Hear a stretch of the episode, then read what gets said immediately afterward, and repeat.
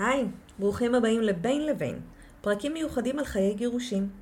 בפרקים קצרים אלה אביא סיפורים מהקליניקה ומהחיים ומידע על נושאים שונים הקשורים לגירושים. אני מאיה, מדריכת הורים גרושים ומתגרשים, גרושה בעצמי ואם לשני ילדים. אני נושמת וחיה את עולם הגרושים כבר למעלה מעשר שנים. הפודקאסט הזה מביא את הקול של הגרושים, את העולם שלהם, על כל המורכבויות והיתרונות. אני אשמח אם תדרגו את הפודקאסט באפליקציות השונות, כדי שיותר מאזינים יוכלו ליהנות ממנו. אז פתיח, ומתחילים.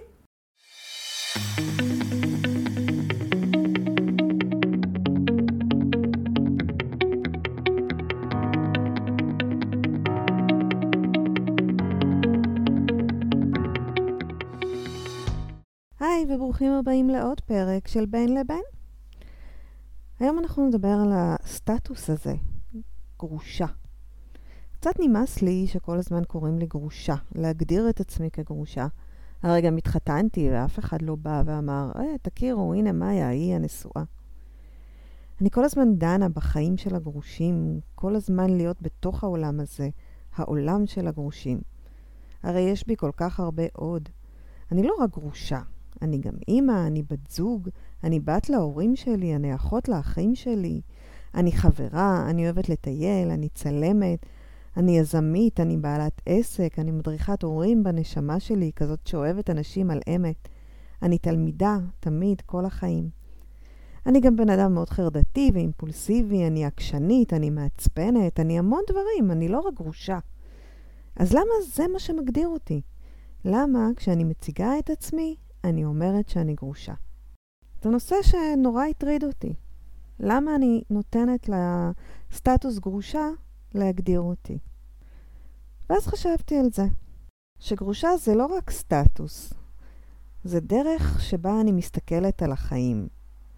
זה נוגע בכל הנקודות בחיים שלי. כמו שאחרי שנולדו לי ילדים, כבר לא הייתי סתם בן אדם, הייתי אימא. זה דרש הסתכלות אחרת, אחריות אחרת, זה מקום אחר. ככה גם גרושה.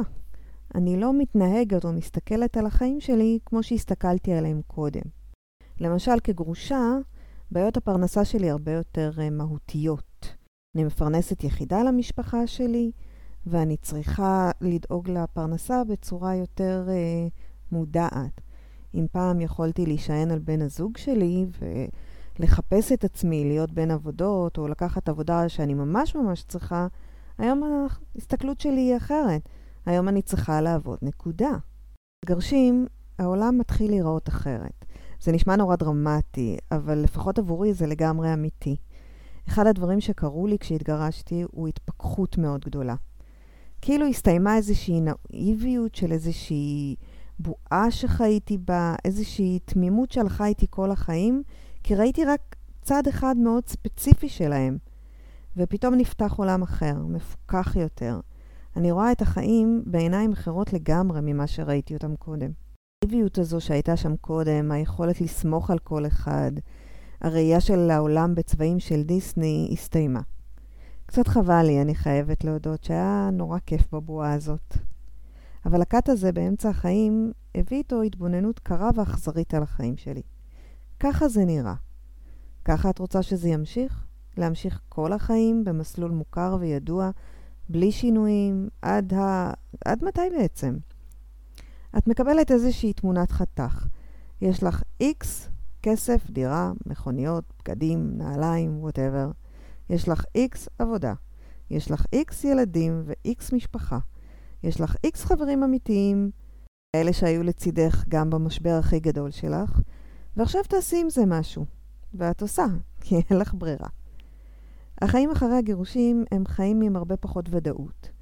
עכשיו, ודאות זה משהו שאנחנו בכלל, בני האדם מאוד אוהבים, כי זה נותן לנו איזושהי תחושת ביטחון, שיכולה להיות נורא מזויפת, אבל היא קיימת.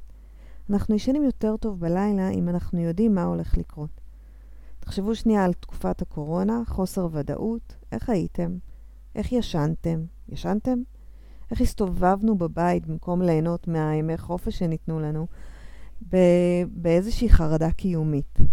ודאות בגדול זה משהו שמאוד מאוד מרגיע אותנו, כבני אדם. עכשיו, אני חייבת כאן להגיד שזה לא תמיד ככה, לא כולם ככה, לא הכל זהה. אבל ככה זה עבד אצלי, ועוד אצל די הרבה אנשים אחרים שאני מכירה. ועוד דבר, גירושים הם לא טובים יותר מנישואים, הם אחרים. אין כאן בשיחה הזאת או בפודקאסט שום המלצה להתגרש. זה פשוט משהו שקורה ומאוד משפיע על החיים שלנו. כמעט כל גרוש שהכרתי לא ממליץ לאף אחד להתגרש. גירושים הם לא משהו שעושים לאחר יד, זה משהו שחושבים עליו, ששוקלים המון שיקולים לפני שעושים, כי בכל זוגיות יש עליות ומורדות. כשיש חברות ושותפות גורל ואהבה, אפשר לעבור יחד את התקופות הקשות ולהמשיך לטובות. החיים שלנו הם מסע, זה משהו מתפתל, זה לא משהו אחיד ומונוטוני, זה לא קו ישר. הדברים משתנים. וזה בסדר, זה חלק מהמסע שלנו. כי כמו שהתחלתי להגיד, זה משנה את כל החיים שלנו ואת ראיית החיים שלנו, כי ההתנהלות שלי בחיים נובעת מהסטטוס שלי. החברים שיש לי היום, לדוגמה, הם חברים שהכרתי אחרי הגירושים. הם עברו איתי דרך. הם מכירים אותי, הם מכירים את ההתחבטויות הנפשיות שלי, הם מכירים אותי מבפנים. הזוגיות שלי היא זוגיות אחרת לגמרי. הם נשואים ומגדלים יחד את אותם הילדים, כלומר הילדים שלכם, של שניכם, באותה מידה. אתם אחראים להם באותה מידה ואוהבים אותם באותה מידה. הזוגיות שלכם היא משהו שקיים תמיד. כשאתם נכנסים לאותו בית בערב, אוכלים ארוחת ערב ביחד, מטפלים בילדים, זה חלק מהחיים. זאת אומרת, להתראות או להיות ביחד מגיע מתוקף היותכם גרים באותה דירה. כשאתם גרושים זה לא עובד ככה.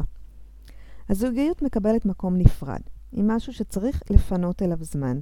אם זה לצאת לדייטים כדי להכיר ולפגוש, אם זה להמשיך ולהיפגש כשלא גרים יחד באותו בית.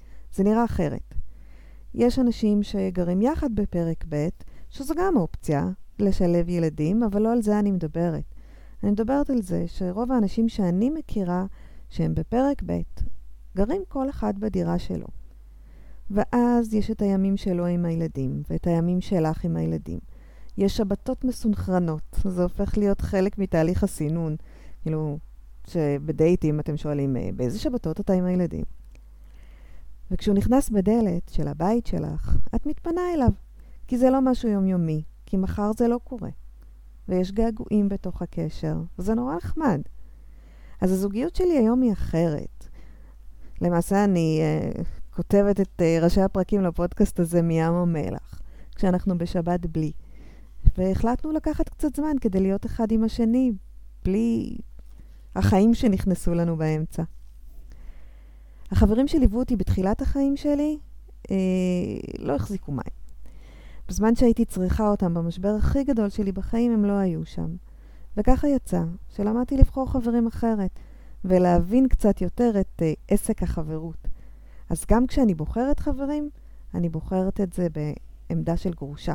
אני בוחרת את זה כמישהי שעברה משבר מאוד גדול וראתה מי נשאר איתה ומה לא. זוכרים שדיברנו על התנפצות של נאיביות? בדיוק זה.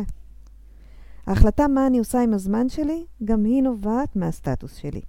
כי כשיש ימים עם ילדים ובלי ילדים, את בדרך כלל תבחרי לעשות את כל הסידורים שלך בימים שאת בלי ילדים, ולהקדיש את כל תשומת הלב לילדים כשהם מגיעים. ולכן ההורות שלי, למשל, השתנתה בענק, וגם זה בגלל הגירושים. כשאתה לא רואה את הילדים שלך כל הזמן, אתה מעריך אותם יותר. כל מפגש איתם הוא אחר. בתקופת ההסתגלות זה אחרת. יש הרבה עניינים של כאב גדול, פחד מהלבד ואיזשהו רצון אה, להוכיח שאתה ההורה הטוב יותר. אבל אחר כך, כל ההורות נובעת מהסטטוס. ההחלטות שאני מקבלת, אורח החיים שאני בוחרת לחיות. אפילו ההתנהלות שלי מול ההורים שלי והמשפחה. מתי נפגשים בשבתות? מעדיפה להיפגש עם המשפחה שלי כשהילדים איתי, כדי שגם הם ייהנו. חגים, העזרה של המשפחה. אה, אם היא כלכלית או אפילו בייביסיטר. אתם יודעים משהו? לפעמים זה סתם לראות אותי, לעטוף אותי כשרע לי. צורה שבה אני מבלה. הצורך להכיר זוגיות חדשה יחד עם הצורך להכיר אותי. את מי שאני, מביאה להתנסויות אחרות, לרגשות אחרים. בעצם קצת פותחים את הראש ומגלים שיש דברים אחרים שלא ידענו קודם, שיש עולם אחר בחוץ של אפשרויות שבכלל לא היו בראש שלנו לפני ששינינו את הסטטוס. תחשבו על זה לרגע. מתי יוצא לאנשים להכיר חברים באמצע החיים? הרי אנחנו בדרך כלל מכירים את החברים שלנו בבית ספר, בצבא. זהו, הם ממשיכים איתנו לכל החיים. וכאן פתאום נוצר צורך בחברים, ואתה מתחיל להכיר אנשים באמצע החיים.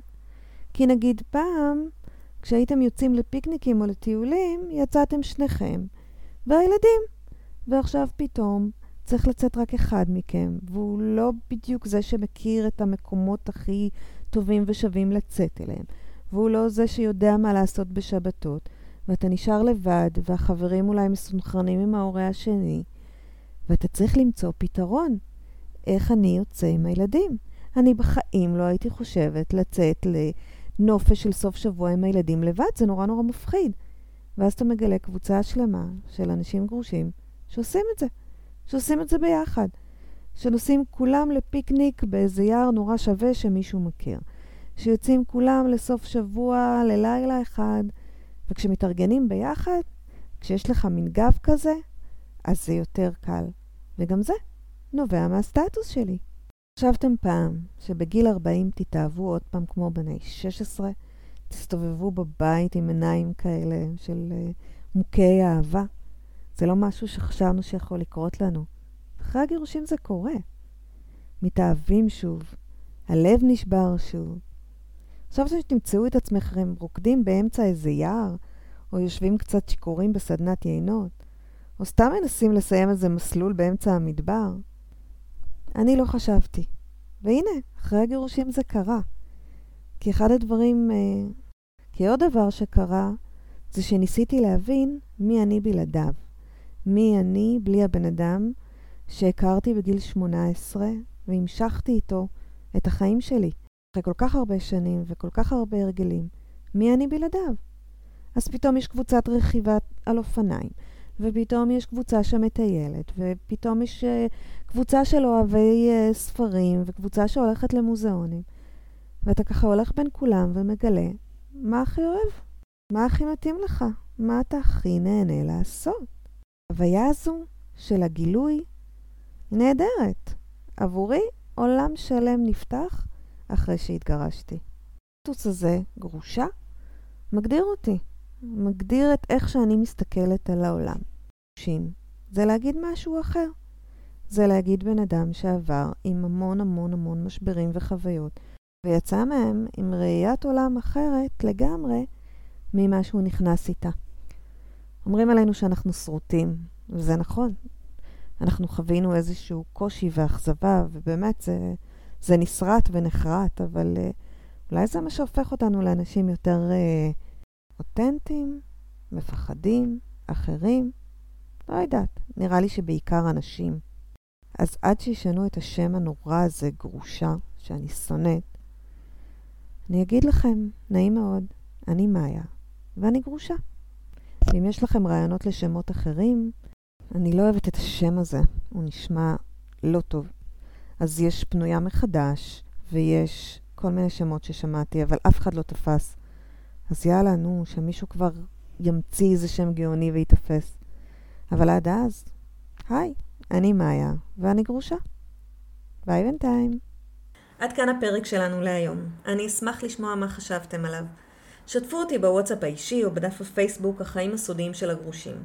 אם יש לכם שאלות, או שאתם רוצים לדבר איתי, אם אתם רוצים להגיב על משהו ששמעתם בפרק, או שאתם רוצים לספר סיפור משלכם, אתם יותר ממוזמנים לוואטסאפ הפרטי שלי. קישור לוואטסאפ מצורף לתיאור הפודקאסט בפלטפורמה שבה אתם אה, שומעים את הפודקאסט. אתם יכולים למצוא אותי גם באתר שלי www.maya.com ובקהילת הפייסבוק שאני מנהלת, הורים.גרושים, קהילת הגרושים והמתגרשים. באתר ובקבוצה תוכלו ליהנות מתכנים בנושא גירושים והורות לילדים, וכן מידע על ליווי אישי וסדנאות מיוחדות להורים מתגרשים וגרושים טריים. מחכה לכם שם.